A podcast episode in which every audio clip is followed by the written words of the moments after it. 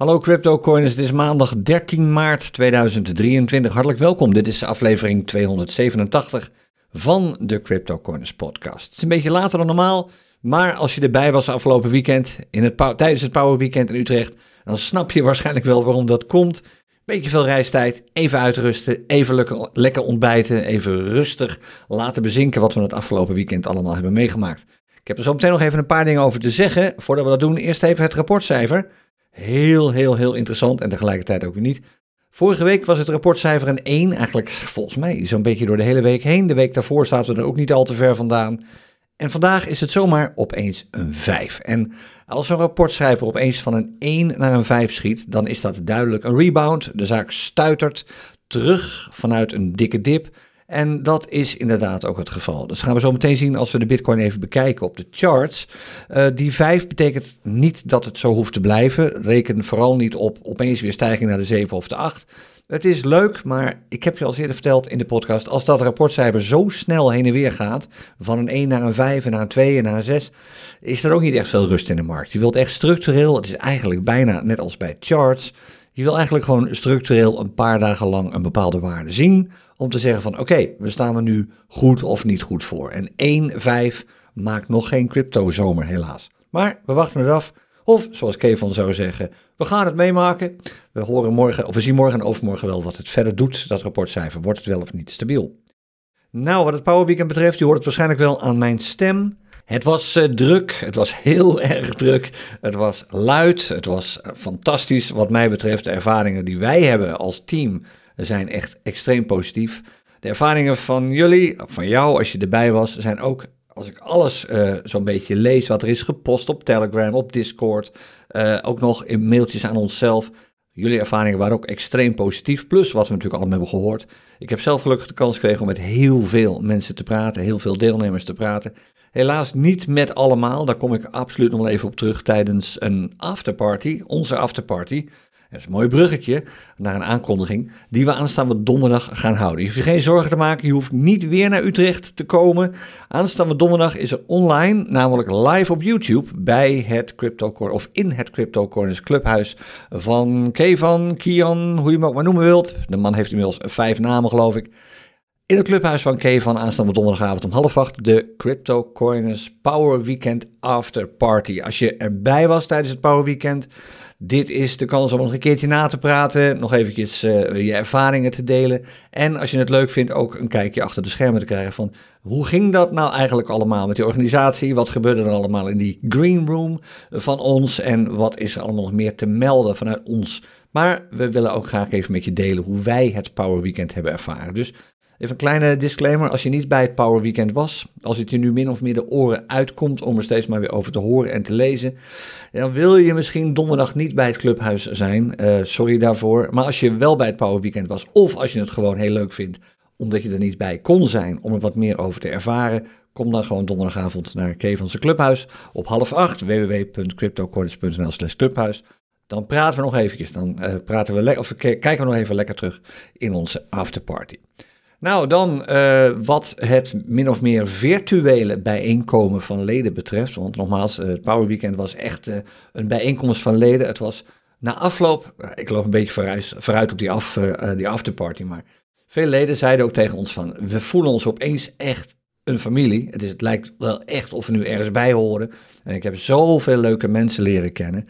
Nou, het is een van de redenen dat we ook min of meer parallel aan het Power Weekend de Discord server hebben geopend. Onze samen treden server. En die groeit hard. Daar zitten nu al bijna 400 op het moment dat ik het opneem. Het is nu half twee. Goedemorgen. Half twee, smiddags. Er zitten nu al bijna 480 leden in die Discord server. En die zijn druk bezig met uh, kennis te maken met elkaar, samen te traden al met elkaar. Fantastisch om dat te zien, want daar is hij immers voor opgericht. Het ding heet niet voor niks samen traden. En ik, ik heb er eigenlijk een gewoonte van gemaakt om elke dag in de podcast er even een voorstelberichtje uit te halen, want een van de kleine, minimale vereisten in het, uh, in de, op de Discord-server op samen traden is dat je je even uitgebreid voorstelt. We geven je een aantal manieren om dat te doen, maar alleen maar met een hallo, ik ben Jan, kom je waarschijnlijk niet zo snel uh, de samen traden Discord server binnen. Maar Remco, die stelde zich meteen voor, uh, volgens mij anderhalf, twee weken geleden. En ik lees een bericht even voor en misschien ken je hem wel. Hi, ik ben Remco, op YouTube ook wel bekend als Coachje. In 2014 begonnen met crypto en elk jaar merk ik dat ik me verder ontwikkel in de tradingmarkt. Ik ben al inmiddels alweer ongeveer vijf jaar lid van de Crypto Corners community. Waarom? Die creators zijn gewoon verslavend. Tevens de gemoedelijkheid van iedereen in de community. Geen bla bla. En de behulpzaamheid naar elkaar toe. Die kun je dus in je zak steken als je nu luistert. En wat Remco verder nog zegt, deze behulpzaamheid die maakt in mijn ogen de cryptocoins bijzonder. Zelf trade en beleg ik in crypto. Ik heb nog geen clinics gevolgd, maar ik kan wel zeggen dat ik alle YouTube-video's gezien heb. Wauw, dan heb je echt heel veel tijd besteed. Fantastisch. Ik ben wel van plan om in de toekomst een clinic te gaan volgen. En daarnaast ben ik sinds ruim een jaar behoorlijk actief met tradingbots. En ook hier probeer ik me verder in te ontwikkelen. Ik hoop dat CryptoCoins hier in de toekomst misschien ook wat meer aandacht aan kan schenken. Nou, daar ga ik even op in. Absoluut. Sterker nog, uh, ik wil niet wel op terugvallen, maar afgelopen, uh, wanneer was dat? Zaterdag tijdens het Power Weekend hadden we iemand, de gast, die een eigen bot heeft ontwikkeld en die je ook kunt gebruiken. De, de, de persoon achter Hodler Hacks, die was bij ons en die heeft daar een verhaal met ons gedeeld en verteld uh, hoe dat allemaal gaat, de ontwikkeling van zo'n bot. En het zou zomaar kunnen dat daar meer uitkomt. Ik wil er nog niet al te veel over kwijt, omdat er niet al te veel over te zeggen valt, maar we kijken echt heel serieus naar het fenomeen geautomatiseerd traden, het bouwen van je eigen bots en het, de noodzakelijke kennis die je daar veel wilt hebben. Dus het is al iets wat al wat langer op mijn radarscherm eh, staat. En daar blijft het ook op staan. Dus je kunt ervan uitgaan dat je niet meteen morgen, maar absoluut in de nabije toekomst ook via CryptoCoins erg veel kunt gaan ervaren over en leren over het maken van en het werken met uh, trading bots. Dan Remco, ik hoop dus dat CryptoCoins hier in de toekomst wat eh, aandacht aan gaat besteden. Dat gaat absoluut gebeuren. Remco zegt, ik trade met diverse strategieën, onder andere chartpatronen en trendlijnen. Maar een van mijn favoriete strategieën is de CryptoCoin-strategie. Tweede doe ik eigenlijk wel elke dag. Ligt uiteraard een beetje aan de markt, want ik heb inmiddels wel geleerd wanneer ik even de handjes eraf moet houden. Of de hond uitlaten. En mijn doel is heel simpel, ik wil mijn vermogen verder opbouwen en ik wil minder voor mijn werkgever werken en misschien wel helemaal stoppen. Ga ze door, CryptoCoiners. De content blijft smullen. Helaas, zei Remco, kan ik er tijdens het Power Weekend niet bij zijn. Maar ik beloof, hierbij Remco, het staat nu, op, staat nu genoteerd. Bij de volgende meeting ben ik erbij. Remco, kom dan absoluut even hallo zeggen natuurlijk. Nou, tot zover. Ik laat je absoluut aan, als je dat al niet bent, om je aan te melden bij die, of lid te worden van die uh, CryptoCoiners Discord server. Samen trainen. Het is meer dan de moeite waard. Nou, dan het externe nieuws even. Je hebt het misschien wel meegekregen. Er is weer eens een keer een bank omgevallen. Het is absoluut, naar mijn mening, niet de laatste. Dit zou zomaar eens het begin van een hele hoop ellende kunnen zijn. En natuurlijk wordt dit, uh, wordt dit uh, afgedaan als van het viel allemaal wel mee. We hebben de zaak onder controle. Nou, een van de dingen die je inmiddels misschien wel weet is dat als een centrale bank zegt dat ze de zaak onder controle hebben, dan moet je precies het tegenovergestelde geloven. Oftewel, het is paniek op dit ogenblik in de Amerikaanse bankenwereld. Het is volledig paniek. Niemand weet hoe ze dit probleem moeten oplossen, omdat je het niet kunt oplossen. Het is als een bakker die zegt: Oké, ik verkoop broden, je kunt ze komen ophalen, maar hij bakt vervolgens de broden niet. Dat is hier aan, het, aan de hand.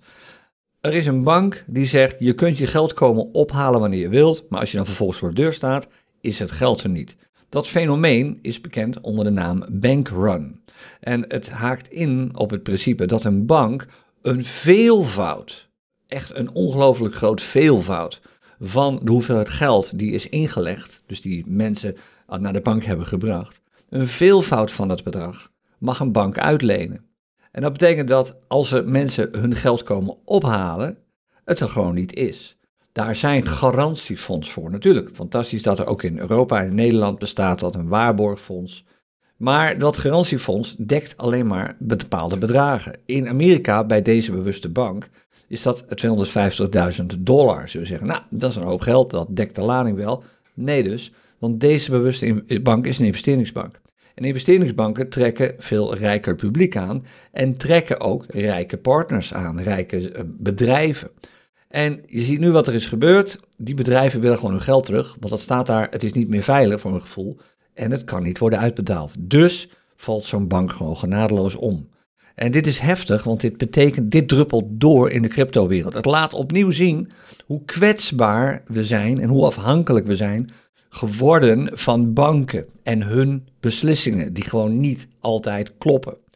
Er is een bedrijf dat heet Circle. Circle. Misschien ken je het wel, misschien ken je het niet. Als je het niet kent, de Circle, het Circle bedrijf heeft een munt uitgebracht, een stablecoin. Dat is de USDC. En die C staat voor Circle.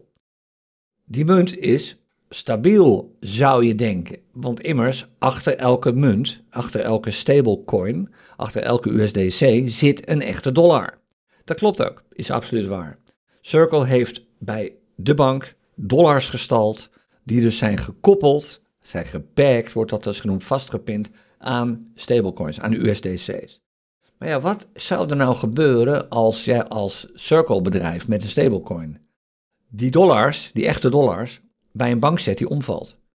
En je krijgt die dollars misschien niet meer terug. Dan ben jij dus ook eigenlijk misschien wel ooit kwetsbaar voor een bankrun. Als mensen dan bij jou hun stablecoins weer willen omruilen voor echte dollars, dan moet je zeggen: sorry, dat gaat niet lukken, want ik heb niet alle dollars. En dat is gebeurd. Want, je raadt het al, Circle heeft een gedeelte van de echte dollars bij een bank gestald, die is omgevallen, SVB. En dat is, het is niet zo verhoudingsgewijs niet zo heel veel. Ja, het gaat om miljarden, laten we daar eerlijk zijn. Maar het is niet zo heel veel. Ze hebben bij veel meer andere banken veel grotere uh, uh, hoeveelheden dollars gestald. Maar dit hakt er al wel in, op twee niveaus. A. Het bedrijf Circle kan niet meer uh, op dit ogenblik garanderen dat achter elke USDC een echte dollar zit, want een aantal van die dollars zijn in rook opgegaan. En B, het vertrouwen van mensen in zo'n munt gaat meteen onderuit. En dat zagen we in het weekend. Afgelopen zaterdag gebeurde dat geloof ik, daalde de prijs van de USDC opeens met ongeveer 8%. Even uitgedrukt in echte cijfers. 1 USDC kost eigenlijk gewoon 100 dollar cent, maar kost opeens nog maar 92 dollar cent. En als jij dus USDC had of hebt, uh, dan heb je opeens geen, uh, als je de 100 zou hebben, geen 100 dollar meer, maar nog maar 92 dollar. Zo hard ging het. Nou, inmiddels is de prijs wel weer opgeveerd naar 96 dollar cent. En de Amerikaanse banken doen er van alles aan om te zorgen dat dit niet uit de hand loopt. Niet het USDC-verhaal, maar het verhaal met die omvallende banken natuurlijk. En ook Circle doet er van alles aan om te zorgen dat dit geen crisis wordt. Want als dit een echte bankrun op USDC betekent, dan zal de prijs van USDC niet naar 1 cent gaan of zo. Maar het bedrijf houdt gewoon op te bestaan op een gegeven moment. Het heeft geen bestaansrecht meer, deze tak van sport. Deze USDC mislukt dan dus gewoon.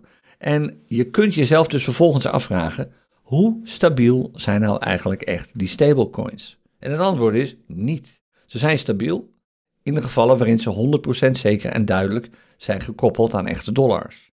Maar ze zijn alleen maar stabiel zolang die dollar zelf stabiel is. Oftewel, hij is altijd beschikbaar voor de uitgever van zo'n stablecoin. In dit geval bleek dus dat dat niet zo is. Maar hoe ga jij daar dan mee om? Stel je voor, jij wilt, en dat zou heel logisch zijn, een gedeelte van je vermogen in stablecoins bewaren. Je wilt niet alles in bitcoin hebben of alles in jouw favoriete altcoins. Nee, je wilt een gedeelte bufferen, uh, hedgen wordt het ook wel genoemd, in de vorm van een stablecoin. Dat is dus blijkbaar niet zo zeker als het leek. Nee, is het dus niet. Hoe los je dat dan op? Nou, er zijn een paar manieren om het te doen. Je kunt op sommige handelsplatformen echt de, de, de echte munt aanhouden. Bijvoorbeeld Binance, daar kun je gewoon een euro-account hebben. Dus dan heb je alle gedeelten van het probleem opgelost. Je gebruikt namelijk geen stablecoin, maar je gebruikt de euro. Probleem is, eerlijk is eerlijk, niks ten nadele van Binance. Maar als Binance ooit zou omvallen, het zou me buitengewoon verbazen. Maar als het gebeurt, dan ben je natuurlijk ook in de problemen, want daar staan dan jouw euro's. Dus je kunt die euro's ook niet naar een virtuele wallet halen of naar een wallet halen, want het zijn echt, het is fiat, het is geen stablecoin, het is geen digitale munt.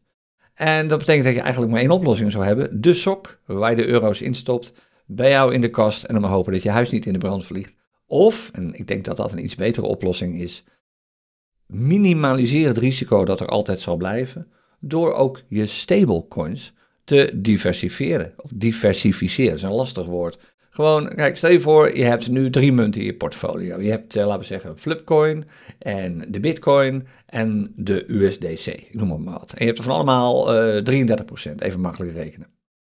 Nou, zou je kunnen zeggen, die USDC 33% laat ik gewoon zo. Maar je kan ook zeggen, nee, die 33% USDC, die verdeel ik ook weer. Daarvoor doe ik 25% uh, USDP, 25% USDT, 25% USDC en 50% nog een andere dollar stablecoin, de DAO of zo. Er zijn er zoveel. Dan weet je dat zelfs als één van die vier stablecoins instabler wordt, instabieler wordt vanwege een mogelijk probleem bij een bank waar dat bedrijf haar geld heeft staan, dat het maar om een kwart van je stablecoin hoeveelheid gaat. Ik zou je wel aanraden, doe dit niet als je er maar 10 hebt of zo. Dat is een hoop transacties en daar zie je er niet op te wachten. Maar als het bedrag dat je in stablecoins buffert, je hedge, als dat serieus begint te worden, dan wil je er waarschijnlijk voor zorgen dat je ook dat weer hedgt, dat je dat ook weer diversificeert. En ja, moet je dan goud ervoor kopen bijvoorbeeld? Ja, goud op zich is geen stablecoin, maar de waarde van, of de prijs van goud met name, fluctueert. We hebben de afgelopen, nou niet de afgelopen weken, maar de tijd daarvoor, een paar maanden geleden, hebben we gezien dat ook de goudprijs flink kan dalen. als je daar onrustig van wordt, dan heb je daar natuurlijk ook weer niets aan. Dus het zijn eigenlijk ja, het zijn beslissingen die je alleen maar zelf kunt nemen op basis van je eigen risicoprofiel. Maar als jij zou zeggen van nou, ik heb mijn hedge, mijn stablecoin hedge vervangen door, ik heb niet één stablecoin, maar ik heb er nu vier. En zelfs een beetje goud in de vorm van bijvoorbeeld uh, Pax G, uh, een crypto versie van goud. Met echt goud erachter dat in Brinks ligt, in een kluis in Londen. Als je dat doet, dan zou ik me dat heel goed kunnen voorstellen. Het zou een manier kunnen zijn. Heb je hier vragen overigens? Stel ze even in onze chatgroepen, bijvoorbeeld op Telegram of uh, op onze Discord-server samen trainen natuurlijk. Nou, tot zover even dat stablecoin verhaal. We gaan nog even de charts doen. Uh, het is een nieuwe week vandaag en dat betekent ook dat we nieuwe charts hebben, namelijk de weekchart. En mocht je meekijken naar deze podcast op YouTube, dan uh, zie je dus nu ook in beeld. Ik kreeg wat opmerkingen gisteren toen ik even met wat luisteraars praatte van de CryptoCoins podcast. Eh, tijdens ons Power Weekend. Van ja, het is wel jammer dat tegenwoordig de focus zo ligt op het kijken naar dat scherm. En de bewuste personen die dat tegen mij zeiden, hebben natuurlijk 100% gelijk. Vroeger zei ik eigenlijk voortdurend bij elke, bij wijze van bij elke candle op de chart. Van oké, eh, we, we, zien nu dit en we zien nu dat als je in de auto zit. Dat doe ik de laatste tijd inderdaad wat minder. En ik kan niet beloven dat het lukt, maar ik ga mijn best doen om nog wat duidelijker te maken als ik praat. En als je dus geen beeld hebt voor je, anders dan bijvoorbeeld de snelweg als je in de auto zit. Wat ik op dit ogenblik zie en waar ik dit op concludeer. Maar je kunt natuurlijk altijd even na afloop nog, als je het echt interessant vond of iets, zoiets hebt van ik moet dit nog wel even in het echt zien, kun je allemaal nog even terugkijken naar de video van deze podcast die altijd op YouTube te vinden is. Nou, waar ik nu naar kijk is dus de Bitcoin chart, de weekchart van Bitcoin. Uh, wat die weekchart betreft, vorige week waren we, we hebben een piek al gezien, die hebben we al een tijdje geleden gezien. Echt een bergje, een hoger bergje dan de, de vorige bergtop. De piek, de laatste, is die van 13 februari, een paar weken terug. Uh, die was hoger dan de piek daarvoor. De piek was trouwens nog hoger dan waar we nu staan. 24.270 dollar. En toen we die piek hadden bereikt, gingen we eigenlijk op weg naar beneden, op weg naar een nieuw dal, een nieuwe trough. En dat hebben we misschien al bereikt. Misschien was dat afgelopen week wel. En dat was een flink lager dal. Dat was uh, eh, 21, nee, wat was het? Even kijken hoor. 19.569 dollar. Een prijs die vier weken geleden mensen nog voor onmogelijk hielden. Want ja, toen stonden we nog in de buurt van de 25.000 dollar. Nu doken we zelfs onder de 20.000 dollar. Dat is meer dan 20% van de prijs af. Nou, dat dal is maar heel even daar geweest. Het is een dip. Dat gaan we zo meteen nog even terugzien als we wat snellere charts erbij pakken. En dat zou dus kunnen betekenen, omdat we nu de, bezig zijn met een nieuwe candle, als de, het dal van deze week, zeg maar de swing low, of de low van deze week die nu speelt, niet lager wordt dan de, swing, dan de low van afgelopen week, dan hebben we met die low van de afgelopen week een zogenaamde swing low te pakken. De, prijs, de laagste prijs was dan lager dan de laagste prijs van de week ervoor en de laagste prijs van de huidige week. En dan weten we, we hebben een nieuw dal. En dat is la, uh, sorry, hoger dan het vorige dal dat we... Nee, dat is lager, sorry, mijn fout. Lager dan het vorige dal dat we hebben gezien, dat van 13 februari. En dat betekent dat we de volgende situatie hebben. We zitten in een bullish trend, hogere pieken, hogere dalen. Maar misschien hebben we nu een dal te pakken dat lager lag dan het vorige dal. Dus we hebben dan hogere pieken, lager dal, een lager dal. Dat zegt nog niet alles. Het is de helft van een mogelijke trendommekeer om van een bullish trend naar een bearish trend te komen, wil je, als je steeds hogere pieken en hogere dalen hebt gehad, lagere pieken en lagere dalen zien. Nou, misschien is het een lage dal er, dat is eigenlijk zeker. We hebben dus al een lager dal in de knip, want het lagere dal dat we nu hebben kan nooit meer hoger worden. Maar als de prijs daarna omkeert en we gewoon echt door de piek heen schieten die we hadden, blijven we gewoon lekker bullish. Ik kan geen toekomstvoorspellingen doen. Ik kan zeker niet iets zeggen zoals van dit moet je gaan doen, want dit gaat gebeuren. Niemand weet wat er gaat gebeuren. Maar als ik kijk naar de wat snellere charts, En ik haak dan eigenlijk in op wat ik vorige week vrijdag al zei in de podcast. En als we kijken hoe dit zich heeft ontwikkeld, zou het zomaar kunnen dat we door die piek heen schieten. Dat we door die 24.270 heen knallen. Niet al te lang waarschijnlijk, ook niet al te enthousiast. Maar het zou zomaar kunnen dat die piek, de volgende piek hoger wordt dan dat. En dat betekent dat we op de weekchart in ieder geval gewoon bullish blijven. Voor nu is hij ook gewoon nog steeds bullish. We hebben verder niet al te veel nieuwe signalen, anders dan dat ene dalletje. En dit is ook apart als je die chart erbij pakt. Een hele hoop storm vorige week. Best wel veel onrust, ook bij de leden van de Crypto Corners community. Oh jee, wat moet dit worden? Maar als je nu terugkijkt naar die weekchart, dan zie je dat je eigenlijk alleen maar een hamer, bijna een hamer ziet. Het is geen hamer, chart, candle patroon, maar het is een kleine body met een lange wick aan de onderkant. En daarin zit alle paniek, alle ellende, alle long squeezes, alle liquidaties van de vorige week gestopt. En dat is eigenlijk alles wat het is. En nu is die candle weg, klaar, volgende candle. En die ziet er eigenlijk alweer heel anders uit. Dus dit wordt waarschijnlijk ook weer een hele andere week. Nou, wat, wat bekijk ik dan verder nog wat die weekchart betreft? Nog steeds hetzelfde als vorige week. En de week daarvoor. En de week daarvoor. En een groot aantal weken daarvoor. Die MA200 die daar loopt. Die rode lijn. Ik teken hem altijd in het rood die aangeeft wat het voortschrijdende gemiddelde is. Het gemiddelde van de huidige, eigenlijk de laatste 200 candles. Daar wil je boven zitten qua prijs. Niet qua, eigenlijk niet qua wick, maar qua close. Je wilt zorgen dat je candle boven die MA200 sluit. En dat is echt al heel lang niet gebeurd. De laatste keer dat de candle boven de MA200 sloot, was volgens mij in augustus. Kijk, wanneer was dat? Ja, het was begin augustus. 8 augustus was de laatste keer dat dat gebeurde. Dus sinds 8 augustus vorig jaar, dat is inmiddels volgens mij meer dan een half jaar geleden, is de prijs niet meer boven de MA200 geweest. Dat moet gebeuren voor een bullrun. Als er dat niet gebeurt, komt er geen bullrun. Dat is een absolute voorwaarde. Dus daar kijk ik naar, daar is het wachten op. Als dat de komende week gebeurt, omdat bijvoorbeeld de prijs komende week, ik denk niet deze, het kan deze week, maar misschien, ik denk volgende week. Als de prijs door die 24.000 heen schiet, en dan ook boven sluit, hebben we één candle te pakken die er boven is gesloten. Dat is een beetje weinig. Je wilt er een paar hebben. Dus we willen eigenlijk een paar weken op rij zien dat de prijs sluit boven de MA 200. Daar zit ik op te wachten. Maar dat gaat dus minimaal nog een maand duren voordat we het echt kunnen zien, omdat we daar complete candles voor nodig hebben. Gebeurt het niet, zoals nu, de prijs staat er nog steeds onder, dan kan het echt zomaar gebeuren, de geschiedenis leert dat gewoon, dat we terugvallen naar de 20.000. Dat is al gebeurd. Ik zei dat vorige week ook al, we kunnen zomaar terugvallen naar de 20.000. De, sterker nog, de trough van 21.000, zei ik vorige week, is helemaal niet zo ver van de huidige prijs vandaan. Nou, dat bleek wel, want ik geloof een dag later was het, heel, op zaterdag was het al zover. Dus daar wil je, of vrijdag geloof ik, daar wil je gewoon rekening mee houden. Het kan zomaar gebeuren dat we die terugval weer gaan zien. Zo be it. Uh, je hebt inmiddels gezien wat je daarmee kunt doen, hoe je erop kunt reageren en hoe je er gewoon op kunt verdienen. Door gewoon te zeggen, zoals heel veel mensen hebben gedaan, ik sprak ook daar weer over afgelopen weekend. Heel veel mensen hebben gezegd, ik heb inderdaad gewoon daar bitcoin verkocht en ben toen gaan terugkopen. En ik merk nu, oké, dat dat interessant, dat zeiden mensen nog gisteren, ik merk nu dat, met, dat het interessant begint te worden. Ik heb gewoon winst gemaakt. Ik heb mijn bitcoin verkocht en ik heb nu meer bitcoin terug. Omdat, de, omdat toen de prijs op zijn laag stond, ik bitcoin heb teruggekocht. En langzaam maar zeker naar boven toe ladderend nog een beetje meer heb teruggekocht.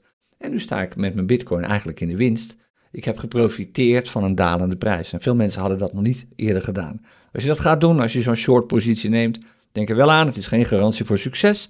Je wilt altijd voorkomen dat je wordt verrast door snel stijgende prijzen en je wordt geconfronteerd met het feit dat je opeens heel veel mooie dollars hebt, maar die bitcoin niet meer hebt, terwijl de bitcoin duurder wordt. Dus altijd een stop losstellen. In dat geval is dit dus een stop limit buy order. Um, dat was het wel wat die weekchart betreft. Ik blijf op die MA200 letten natuurlijk. Nou, de Bitcoin dagchart, hoe ziet dat dan uit? Vorige week waren we berries. Nu zien we groene candles op die dagchart. De candle van gisteren is heel erg groen, heel lang en groen. De candle van eergisteren was dat ook al. Maar de chart is gewoon nog steeds bearish. We hebben nog steeds te maken met lagere pieken, lagere dalen. Niet helemaal, want we hebben een lager dal. Dat heb ik trouwens op de chart niet eens getekend, zie ik. Maar we hebben een lager dal. Het dal van afgelopen vrijdag was 19.569. Dat ga ik dus meteen even aanpassen. 19.569. 569, dat was afgelopen vrijdag en toen was het volgens mij de tiende zelfs al. Oh, daar is het dal. 9.569. Oh, dat is de verkeerde. Sorry voor dit gepiel, maar ik wil het meteen even goed aanpassen allemaal.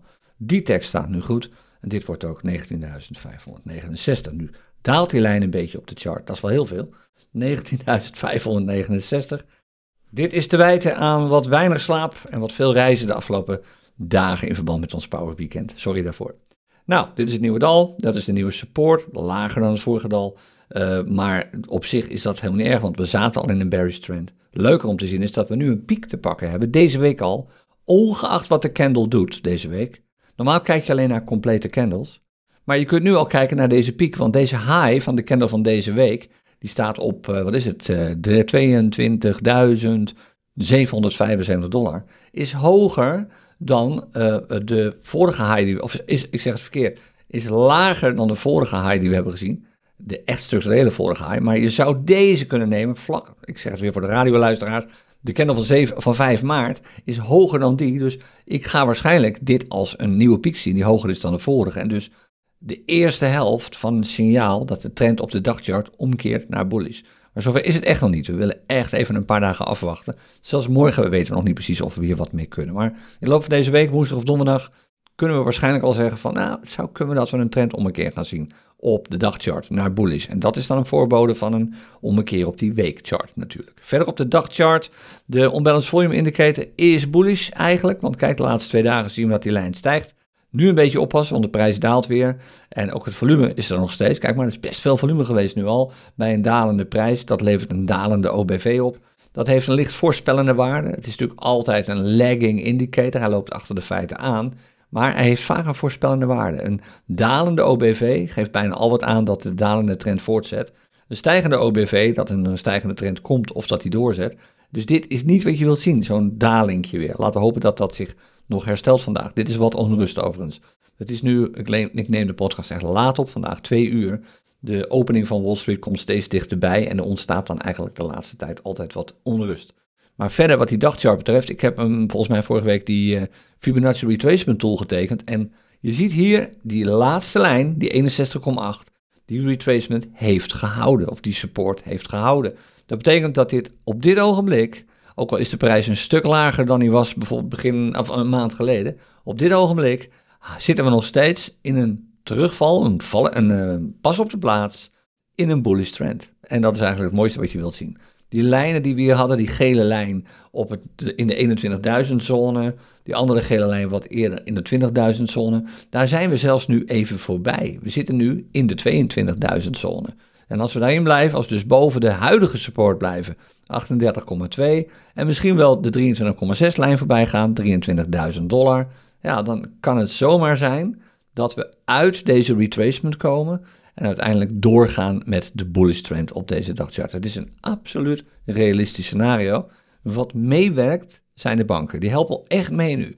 De, het stablecoin verhaal is natuurlijk vervelend. Dat banken er weer voor zorgen dat mensen die stabiliteit zoeken in de cryptomarkt stabiliteit verliezen. Het lijkt wel of ze het erom doen. Maar de echte munten, de echte cryptomunten, met name natuurlijk de bitcoin, daar komt nu steeds meer vertrouwen in. Dat zie je overal. Je leest het en je ziet het. En je ziet het ook daadwerkelijk op de charts gebeuren.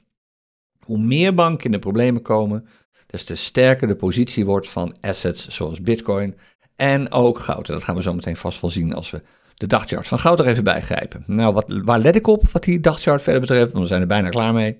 Eigenlijk heel simpel, de support en de resistance en natuurlijk die Fibonacci retracement tool. Gewoon rustig afwachten hier. De urenchart, nou die is bearish geweest heel lang, maar begon afgelopen vrijdag op te krabbelen. Je ziet, je ziet echt het keypunt hier vrijdag nacht, of vrijdagavond al zitten en zaterdagochtend werd het echt uh, heel zichtbaar. Uh, hoger piek, hoger dal, hogere piek, hoger dal. Dat ging door tot en met vanochtend, of vannacht eigenlijk. Uh, vanochtend vroeg waren we helaas alweer bearish. Kijk maar, of eigenlijk, ja, vanochtend vroeg hadden we eerst een lagere piek om 9 uur. En nu hebben we ook een lager dal. Technisch gezien is de urenchart nu bearish technisch gezien. Het is niet zo heel erg spannend nog, want we zitten qua prijs nog steeds boven de MA20 en boven de MA50. En je ziet steeds dat gebeuren. Ook daar hadden we het vorige week al over in de podcast. Als die band breed is, het verschil tussen die MA20 en de MA50, dan trekt de prijs altijd naar die band toe. En dat gebeurt hier ook weer. En nu zijn de banden even smaller geworden. Er komt een cross. Dit is een bullish cross overigens. Die vond zaterdagavond plaats om, vijf, om 4 of om 5 uur. En die banden liggen ook weer breed. Kijk, de MA20 en MA50 liggen, liggen lekker ver uit elkaar. Dus waarschijnlijk is de prijs gewoon even teruggevallen. Dit is een soort magneet waar die prijs steeds naartoe wordt getrokken. Op een gegeven moment wordt die magneet gewoon te sterk. Het zou zomaar kunnen dat de prijs nu lekker weer omhoog veert en in ieder geval mee blijft lopen met die MA20. En dat is mooi, want die MA20 is support. De support houdt dus. Dus een stijging in de richting van de, de vorige high, die van rond de 22.700, 22.700 dollar, is absoluut realistisch. Dit is geen garantie, dit is geen voorspelling waar je absoluut iets mee moet doen. Ik blijf herhalen wat ik altijd zeg. Ik geef je alleen maar weer wat ik op die charts zie. Wat jij ziet, wil je zelf zien. Oftewel, je wilt zelf je eigen criteria hanteren. Misschien je eigen indicators gebruiken. Altijd consistent dezelfde. Om tot je eigen conclusies te komen. Als ze overeenkomen met die van mij, prima. Doen ze dat niet, prima. Maar neem je beslissing alleen op basis van jouw conclusies, niet die van mij. Nou, wat die uurchart betreft, lijkt me duidelijk. Hè? We houden gewoon die MA20 en die MA50 natuurlijk in de gaten. Dit ziet er lekker uit. De alert die ik had gesteld aan de bovenkant is uitgevoerd, aan de onderkant niet. Dat is alleen maar mooi. En op dit ogenblik is de urenchart technisch bearish, maar eigenlijk misschien nog wel bullish. Maar technisch is hij bearish. Dan goud. Ja, dat knalt natuurlijk. Vorige week keerde het om. Uh, ik kreeg wat, uh, wat flames van mensen die zeiden van, nou, je bent wel heel snel met het zeggen dat de trend weer bullish is geworden. Uh, het was een bullish trend, heel simpel. Snel of niet, als je opeens een hogere piek en een hoger dal hebt, dan is de trend gewoon bullish geworden. Nou, dat pakt uit. Het is, de prijs volgt nu echt de trend. En wat je hier ziet gebeuren, heeft niks te maken met mijn verwachting, heeft alles te maken met de banken. Die Amerikaanse banken, dat is een drama. De Wall Street beleggers en handelaren zijn in paniek. De eigenaren van die banken zijn in paniek en de Fed is, paniek, is in paniek, de Amerikaanse centrale bank. Ik ga je vertellen, de Europese centrale bank is ook in paniek. Iedereen is in paniek. En dat ga je terugzien in de jacht op zekerheden. En goud wordt nog steeds al eeuwenlang door mensen gezien als een safe haven. Een veilige plek waar je je vermogen kunt stallen als er overal onrust heert. Het is uh, duidelijk zichtbaar in de vorm van de prijs. Het is duidelijk zichtbaar in de vorm van de trend. En we zijn op weg om uit die retracement te stappen. Want ook hier staat, ik tekende ze vroeger nooit tijdens de podcast. Ik doe tegenwoordig lijkt maar niet anders meer. Ook op deze goudchart heb ik een Fibonacci retracement tool getekend. Vanaf de vorige extreme low, en die zat in november uh, van volgens mij al, van nu was dat, ja, was afgelopen jaar november, naar de laatste extreme high. En die zat in februari, begin dit jaar, begin deze maand, begin februari. En die retracement is nu aan de gang, maar je ziet, we zijn op weg om uit de retracement door te gaan met de bullrun, met de prijs omhoog. Maar de trend op deze chart is alweer bullish. Kortom, goud ziet er goed uit, is weer keurig op weg naar de 2000 dollar. We zijn er wel een eindje vandaan, er moet er echt nog wel een 6% bij komen. Maar we zijn op weg naar de 2000 dollar wat mij betreft. Nou, en dan wordt het leuk, de Fear and Greed Index op Wall Street. Vorige week daalde het al. We gingen eerst van hebberig, gingen we naar neutral. En toen bleven we een paar dagen neutral. En toen werden we opeens angstig, toen werd het fear. En zou het dan nu neutral zijn geworden of zou het nog steeds fear zijn? Nou ja, kijk, handelaren hebben behoefte aan banken, die hebben ze nodig. Die hebben behoefte aan stabiliteit in de economische markt, die hebben ze nodig. Anders kan, kan je gewoon niet op een goede manier investeren. Nou, de stabiliteit op de economische markt is er natuurlijk niet. En de bankenstabiliteit is er ook niet. Dus zijn we nog steeds angstig? Het antwoord is, we zijn extreem angstig geworden. We zijn terug naar een niveau waar we toevallig een jaar geleden ook waren. Echt een jaar geleden om deze tijd was er ook sprake. Het was net de oorlog natuurlijk heel zichtbaar geworden uh, in Oekraïne. En toen brak alles natuurlijk in paniek. Wat gaat dit betekenen? Een hele hoge mate van onzekerheid. En die is er nu weer. Dit laat zien als die uh, Fear and Greed Index zo snel in iets meer dan een week omschiet van hebzucht naar extreme angst, dat iedereen extreem onzeker is en dat er maar dat hoeft te gebeuren. En in no time denkt iedereen opeens heel anders ergens over. Extreme fear. De handelaren zijn extreem bang en vluchten op dit ogenblik allemaal in datgene waar ze ook maar een beetje vertrouwen uit kunnen halen. Zoals goud. En naar mijn mening ook, ook al wordt er soms nog zo hard geroepen, door met name banken dat ze dat vooral niet moeten doen, ook in currencies die met crypto te maken hebben, zoals bijvoorbeeld Bitcoin. We gaan het echt allemaal zien of dat ook daadwerkelijk zo blijft. Hoe zit het met de heatmap? De heatmap die is donkergroen. Dat hebben we lang niet gezien. En je ziet dat dit een rebound is. Dit is gewoon een kwestie van muntparen die opveren, die terugveren vanaf een enorme dip die vorige week heeft plaatsgevonden. Waarbij veel munten meer dan 10% van hun prijs hebben verloren. Heel veel van die dips zijn gewoon alweer hersteld. Kijk naar Bitcoin. De Bitcoin-prijs op dit ogenblik is 22.400. Dat was de prijs vlak voordat er een enorme knal naar beneden kwam. Dat geldt voor heel veel altcoins. U ziet veel herstel. 9% erbij, 8% erbij, 6% erbij voor de drie grote jongens. Bitcoin, Ether en BNB. Als het om volume gaat natuurlijk. Nog veel meer winst in percentages voor bijvoorbeeld uh, coins als Filecoin, die hard zijn getroffen. En over het algemeen staan de meeste coins gewoon in de plus. Paar kleine uitzonderingen. Ripple is een zichtbare uitzondering, maar eerlijk gezegd, zoveel lager staat de Ripple-prijs nou ook weer niet dan gisteren. Maar die stablecoins, ja, die, ziet het, die hebben het lastig op dit ogenblik.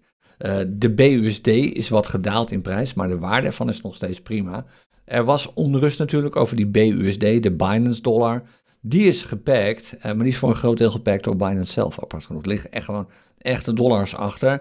Vaak al gediversificeerd in de vorm van andere stablecoins. Dus daar is genoeg buffering voor. Maar ook Paxos zelf buffert die dingen gewoon. En die hebben een, een, ook een heel erg goed gediversificeerd beleid als het gaat om de echte dollars erachter. Dus over BUSD maken heel weinig mensen zich uh, zorgen. Maar je ziet hier ook USDD, ook weer een stablecoin, ook een beetje rood. Uh, de Tether is natuurlijk rood, want ja, dan komt natuurlijk de focus weer op de USDT te liggen. Liggen daar wel echte dollars achter? Niemand weet het zeker. Zo ja, die liggen alsjeblieft toch niet allemaal bij die bank die al is omgevallen of bij de tweede bank die nu aan het omvallen is. Het is gewoon serieus. Market uncertainty noemen ze dat zo mooi bij AMB Crypto. En dat is precies wat er aan de hand is. Nou, wat eh, doet de scanner als gevolg daarvan? Nou, de, de meldingen vliegen je zoals gewoonlijk om de oren. Uh, alleen je ziet het al staan bij de meeste meldingen: berries, berries, berries, berries. Want deze meldingen, of de, de trends die worden getoond bij die meldingen, die zijn gebaseerd op meer dan een half dagje of een paar uur prijsbewegingen. Die zijn gebaseerd op vaak veel langere charts. En vorige week zagen we al dat de trend op bijvoorbeeld de dollarmarkten echt laag was. Volgens mij gingen we in de buurt naar de 60% berries. Dus de, verreweg de meeste dollar charts waren berries, ook de charts op de lange intervallen. En dat is nog steeds zo. Het is wel minder berries geworden. Het was 60% bijna berries.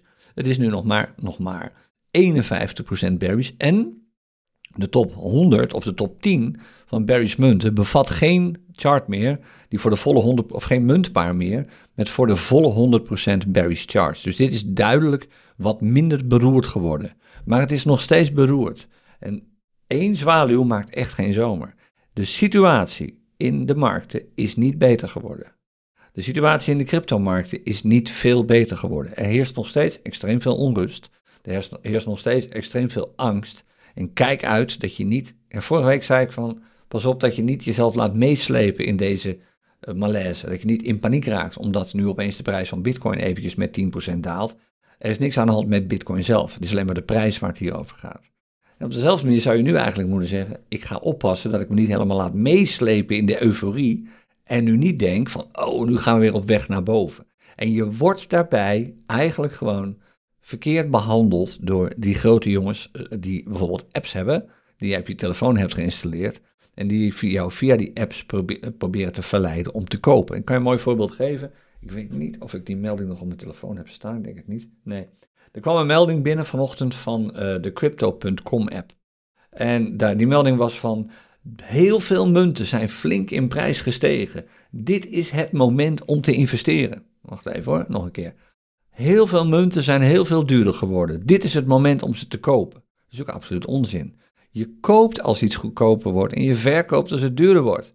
Maar ja, dergelijke pushmeldingen van dergelijke bedrijven, die worden geloofd. Ik bedoel, jij bent, uh, je voor, je bent net begonnen met beleggen en traden. Uh, je bent op zoek naar zoveel mogelijk kennis en informatie. En je krijgt een pushmelding van je app dat het nu slim is om te gaan kopen. Het staat niet letterlijk zo. Er staat alleen maar, de prijzen zijn gestegen. Zo, goed nieuws. Nu kopen, alsof die twee dingen met elkaar verwant zijn. Zijn ze dus niet. Dus geloof niet alles wat je leest. En wees daarbij gewoon eigenlijk, denk gewoon logisch. Als iets duurder wordt, wil je waarschijnlijk wachten met kopen. Als iets goedkoper wordt, wil je waarschijnlijk kopen. Als je vertrouwen hebt in datgene wat je wilt kopen. En dat spelletje wil je echt gewoon snappen en wil je echt gewoon spelen. Anders worden andere bedrijven rijk aan wat jij doet. Want ja, crypto.com verdient gewoon aan jouw aankoop. Het maakt crypto.com helemaal niet uit of jij geld wint of verliest. Want ze pakken de provisie toch wel. Dat geldt voor alle, alle handelsplatformen. We hadden Binance op bezoek afgelopen zaterdag op het Power Weekend in Utrecht. En de directeur van Binance vertelde daarvoor uh, voor een grote, volle zaal. Uh, mensen, wij willen gewoon dat mensen traden. Want als mensen traden, betalen ze commissie. En dat is ons business model. Dus dergelijke handelsplatformen hebben er een belang bij dat jij handelt, dat is duidelijk. Maar om dan vervolgens, zoals Crypto.com doet, pushmeldingen eruit te sturen. Om mensen te laten kopen als ze eigenlijk niet zouden moeten kopen, vind ik gewoon onkies. Dus kijk daar echt enorm mee uit. Nou, de scanner trend is dus uh, berries op dit ogenblik nog steeds. Uh, kijk nog even tot slot naar de barometer van de CryptoCoin scanner. Je zou denken van, oh, die staat er waarschijnlijk fantastisch voor. Ik denk dat het allemaal wel meevalt. Het is, valt inderdaad niet mee, valt zelfs tegen. Uh, het staat er helemaal niet zo goed voor. Kijk, de gemiddelde prijs van Bitcoin is weliswaar gestegen. De gemiddelde prijs van heel veel altcoins is inderdaad gestegen. Maar kijk, als je naar deze chart kijkt, nog even die heatmap erbij. Dan zie je hier dat de Bitcoin 9% duurder is geworden in dollars, maar Ether is maar 8% duurder geworden. En BNB is maar 6,5% duurder geworden. En Solana maar 6%. En Polkadot maar 5%. Oftewel, Bitcoin is duurder geworden, is, duurder, is meer duur geworden, hoe zeg je dat? Is sneller duurder geworden dan bijvoorbeeld Ether. Je koopt nu minder Ether voor een Bitcoin, voor dezelfde prijs, als ik je gisteren zou hebben gedaan. En dat is waarom de barometer nu eerder negatieve waarde laat zien. Als er twee treinen naast elkaar rijden, maar de ene trein rijdt sneller dan de ander, lijkt het vanuit die sneller rijdende trein alsof de andere trein achteruit rijdt. Dat is hier dus ook het geval. Als je dus met dollars nu munten koopt, met als doel om ze met winst te verkopen, dat loopt lekker, want ze zijn meer waard. Maar als je dat met bitcoin doet, niet, want voor bitcoin of in bitcoin worden die munten minder waard. Houd dat natuurlijk altijd goed in je achterhoofd. Dat was hem. Het was weer een lekkere lange aflevering van de podcast. Maar ach, ik had het hele weekend verder nog helemaal niet gepraat. Alle gekheid op een stokje. Het was super gisteren en eergisteren. We hebben ontzettend veel leuke dingen meegemaakt. We hebben heel veel geleerd, heel veel uitgelegd. Heel veel fantastische gastpresentatoren gehad. We hebben een ongelofelijke hoop nieuwe mensen leren kennen, verhalen uitgewisseld. En daar gaan we nog even wat over napraten in onze afterparty af, aanstaande donderdag in het CryptoCorners Clubhuis van Kevan. En als je daar niet op wilt wachten, dan kun je natuurlijk altijd napraten in onze Power, chat, uh, Power Weekend chatgroep op Telegram. Dat gebeurt ook al heel fanatiek. En anders zie ik je sowieso morgen weer bij, hopelijk bij een nieuwe aflevering van de CryptoCorners podcast. Tot dan, happy trading. Dag.